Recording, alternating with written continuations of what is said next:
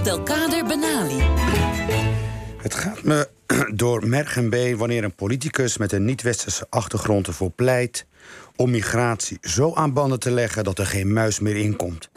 Het gaat me door merg en been wanneer een politicus met een niet-westerse achtergrond over vluchtelingen praat alsof het dieren zijn en niet mensen.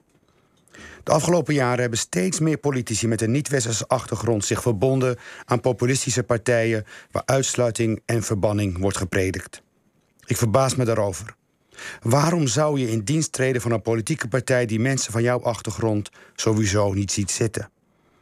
Al snel hebben ze het populistische, populistische discours niet alleen overgenomen, maar door een exotische achtergrond creëren ze de illusie dat kinderen van migranten dit racistische beleid ook nastreven.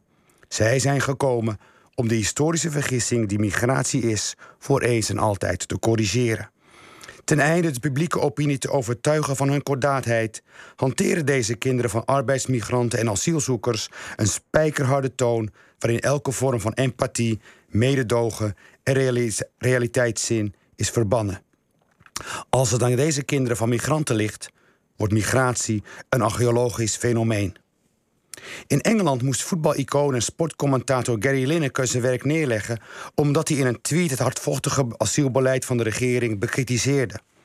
Minister van Buitenlandse Zaken, Suella Braverman, belooft de burger dat ze migranten die via het kanaal het Britse territorium binnenkomen gaat terugduwen. Terug naar hun land van oorsprong of terug naar Frankrijk. En als dat niet gaat, dan naar Rwanda. Deportatiepolitiek 2.0. Braverman is van Indiaanse afkomst. Haar niet-westerse afkomst verleent het deportatiebeleid van de regering geloofwaardigheid. Het geeft de hardvochtigheid een menselijk gezicht. Een kind van migranten dat migratie, de halt wil toezeggen, dan zal het wel goed zijn. Lineker ontmaskert in een tweet het beleid voor wat het echt is: inhumaan tot op het bot. Ik quote: Er is geen grote instroom. We nemen veel minder vluchtelingen op dan andere grote Europese landen. Dit is gewoon het onmetelijk wreed beleid gericht op de meest kwetsbare mensen in een taal die niet veel verschilt van die van Duitsland in de jaren 30. Of zie ik het verkeerd?